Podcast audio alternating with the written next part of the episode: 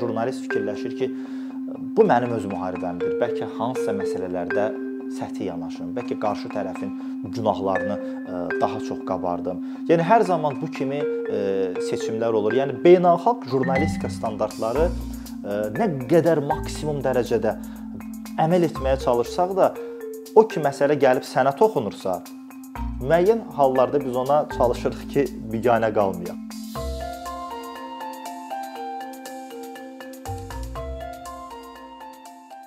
Müharibə elə bir həssas dövrdür ki, təyinatından asılı olmayaraq bütün informasiyalar insanlar üçün böyük əhəmiyyət kəsb edir və belə deyək də bir informasiya aclığı yaranır. Yəni müharibə elə bir e, məqamdır ki, hətta siyasətə qarışmayan insanlar var. Onlar da cəbhədə nə baş verir bu xəbəri axtarırlar. Və televiziyalar, veb saytlar, ümumiyyətlə kütləvi informasiya vasitələri müharibə dövründə kifayət qədər ən çox izlənən belə deyim də sizə məhfumlara çevrilir. Yəni Azərbaycanda biz bunun e, canlı şahidi olduq. Bəzən illərlə baxılmayan televiziya kanalları indi daha çox e, reytinq yığırlar, çünki kifayət qədər həssas mövzudur. Yəni müharibə jurnalistikası təyinatına görə iki formada olur. Bunun bir ekstremal şəraitdə jurnalistika, yəni nə deməkdir? Bu jurnalist bilavasitə hadisə yerinə gedir, yəni müharibə olan əraziyə gedir, oradan materiallar hazırlayır. Digəri isə Müharibə bitir, hərbi əməliyyatlar bitir, dinc dövr başlayır və həmin müharibə ətrafında müəyyən analitik təhlillər yazılır. Yəni bu da artıq ikinci e, bir tərəfdir. Təbii ki, bunları bir-birindən kifayət qədər fərqləndirən anlayışlar var. Ekstremal şəraitdə jurnalistika daha çox texniki hazırlıq tələb eləyir. Yəni siz getdiyiniz coğrafiyanı tanımalısınız. Siz bilməlisiniz ki, hara gedirsiniz. Siz gedərkən psixoloji olaraq buna hazır olmalısınız. Yəni psixoloji problemi olan insanlar və yaxud çox bəsit evində hansısa məişət problemi olan insanlar o zonalarda gedib işləyə bilməzlər. Çünki o artıq fokuslanmalıdır həmin o hadisə yerinə. Siz ora gedərkən hətta hansı geyimləri belə geyinməlisiniz, hansı geyimlərdən istifadə etməlisiniz, bunları da e, seçməlisiniz. E, ilk dəfə gedirsinizsə, mütləq özünüzə bələdçi tapmalısınız. Çünki müharibədir minalanmış ərazilər ola bilər və yaxud sizin üçün təhlükəsiz görünə bilən bir ərazidir, amma o e, qarşı tərəfin snayper hədəfində ola bilər. Yəni çoxdur bütün bunlar. Fikir verin, burada artıq biz yazmaqdan, çəkməkdən hələ danışmırıq. Bu artıq nə qədər hazırlıq mərhələsi biz buna sərf etməliyik. Qərb jurnalistlərində bu maraqlı bir e, yanaşma var bunda. Deyir ki, materialı elə hazırlayım ki, özüm materiala çevrilməyim. Yəni nə deməkdir? Yəni məni öldürməsinlər jurnalist kimi və deyilməsin ki, filan jurnalist filan zonada çalışarkən həlak oldu, öldürüldü. Yəni maksimum dərəcədə sağ qalmaq lazımdır ki, artıq oturub o materialı hazırlayasınız və auditoriyaya çatdırasınız. İkinci e, məqam daha çox terminologiya ilə bağlıdır. Təbii ki, burada incə məsələ var. Siz e, ya öz müharibənizi işıqlandırırsınız, yəni öz dövlətinizə aid olan müharibədir və və yaxud ikinci, üçüncü tərəfin müharibəsini işıqlandırırsınız.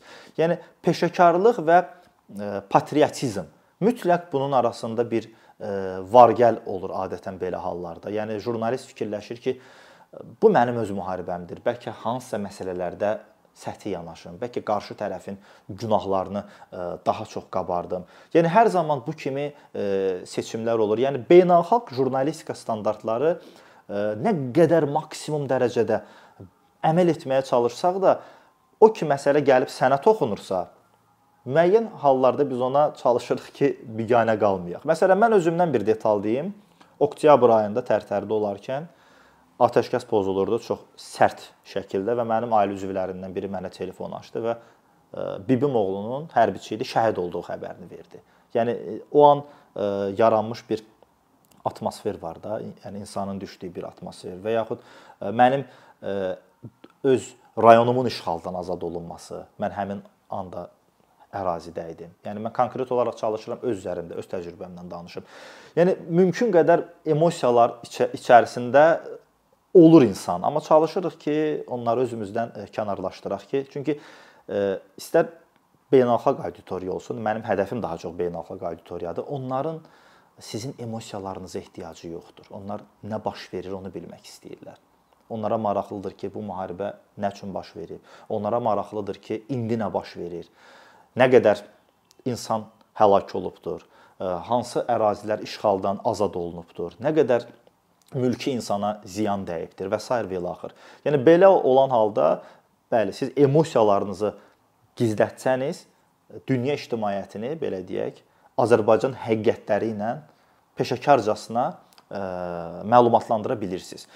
Və başqa bir ə, məsələdə fərz edək ki, bu bizim öz müharibəmiz deyil. Biz A və X dövlətləri arasındakı müharibəni işıqlandırırıq, getmişik, çəkmişik, qayıtmışıq və yenə də burada bir məsələni unutmaq lazım deyil. Müharibə nəticədir. Hərbi əməliyyat nəticədir. Yəni araşdırmalıdır jurnalist. O nəticəyə aparan səbəblər hansılardır? Nə üçün iki dövlət başlayıb müharibə eləməyə? Səbəblər nədir? Niyə bunlar belə deyək də kobudcasını ifadə etsək bir-birlərini qırırlar? Səbəbləri araşdırmaq lazımdır və ən çətin məqam da budur. Niyə? Çünki hər iki tərəfin özünün öz səbəbləri var. Hətta biz tarixə baş vursaq belə, hər iki tərəfin öz tarixi var.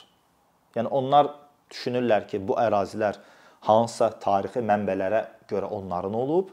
Bu biri tərəf düşür ki, xeyr, bu biri mənbələrə görə bunların olub. Və siz də maksimum dərəcədə neytrallıq göstərməlisiniz və hadisənin hər iki tərəfini işıqlandırmalısınız və təqdim etməlisiniz. Kifayət qədər ağırlı məsələdir. Yəni həm o qızıl ortamı tapmaq, həm öz emosiyalarınızı sıxmaq, həm də ki doğru informasiyanı vermək. Çünki müharibədə sizin verəcəyiniz səhv informasiya çox ciddi problemlərə səbəb ola bilər. Siz istər-istəməz yalan informasiya versəz, aldada bilsəz, bir müddətdən sonra bunun üstü açıla bilər və məlum ola bilər ki, xeyr əslində məsələ başqa cür imiş. Bunun fəsadları daha geniş imiş. Siz yalandan bir ordunun uğurlarını verə bilərsiniz, amma bir aydan sonra məlum olacaq ki, bu belə deyildi. Məsəl üçün Ermənistan nümunəsi var. Orda çalışan müəyyən jurnalistlər var idi. Deyirdilər ki, erməni ordusu qələbə qazanır, irəli gedir. Amma hər şey bitəndən sonra məlum oldu ki, xeyr. Tamam başqa cürdür vəziyyət. Deməli, peşəkarlıq birinci sırada olmalıdır.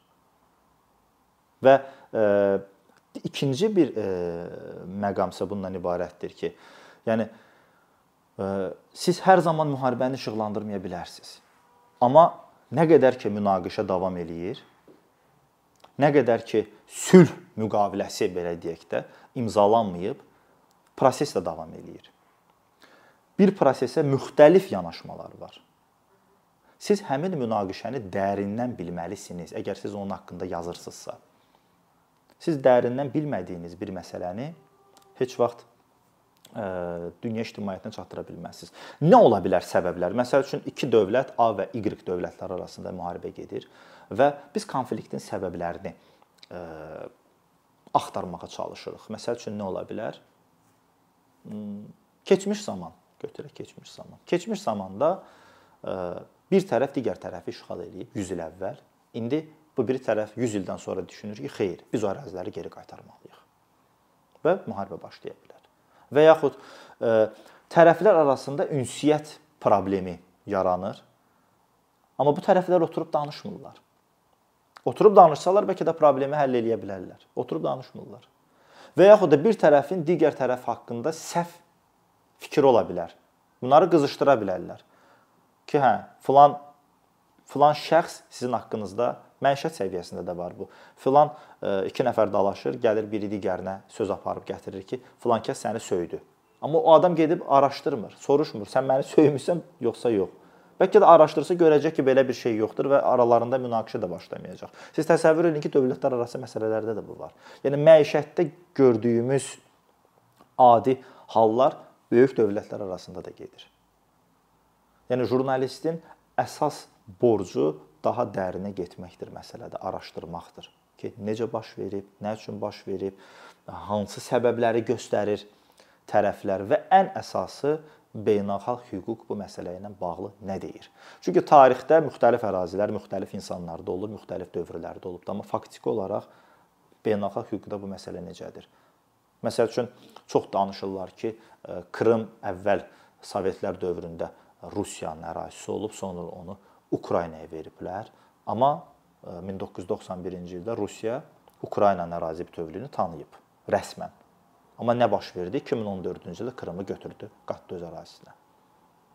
Yəni tarixdə çox şeydən danışa bilərik. Dövlətlər bir-birlərinin ərazisini işğal eləyib və yaxud da hansı dövlət hansı dövlətin ərazisini fəth edib, amma reallıq nədir? Beynəlxalq hüquq nə deyir? Biz ona istinad etməliyik. Nə qədər də e, kimlərinsə bu xoşuna gəlməsə də. Məsəl üçün e, Ermənistan-Azərbaycan münaqişəsində Azərbaycanın ərazi bütövlüyü dünya ictimaiyyəti tanıyır. Bütün beynəlxalq sənədlər tanıyır və jurnalist, Azərbaycanlı jurnalist əgər desə ki, Azərbaycan torpaqları işğaldan azad olunur. Bu faktdır. Çünki biz faktə əsaslanırıq. Çünki e, bunları təsdiq edən BMT Təhlükəsizlik Şurasının 4 qətnaməsi var və bütün dünya ictimaiyyəti də Azərbaycanın ərazi bütövlüyünü tanıyır. Yəni jurnalistlər bunu da bilməlidirlər. Hansı sənədlər var? Hansı e, qətnamələr var? Orda nə yazılıb? Çünki bu bizim mövqeyimizi daha da belə deyim də sizə müdafiə etmək üçün əsas vasitələrdən biridir. Yəni jurnalist qısa konkret işıqlandırdığı mövzunu ələxüsusda ki, bu müharibədirsə, o müharibə haqqında hər şeyi bilməlidir. Onun tarixini, o iki dövlətlər arasındakı tarixi münasibətləri və e, qəbul edilmiş qərarları, qətnamələri bunların hamısını bilməlidir. Bunları bilmirsə, o yalnız müharibə haqqında hansısa informasiyaları verə bilər. Hə, filan ərazi azad olundu, filan qədər itki oldu, filan kəs yaralandı. Amma insanlara maraqlıdır, axı nə baş verdi? O nə baş verdiyini tapmaq üçün, bilmək üçün jurnalist işıqlandırdığı mövzunu, subyekti daha dərindən araşdırmalıdır.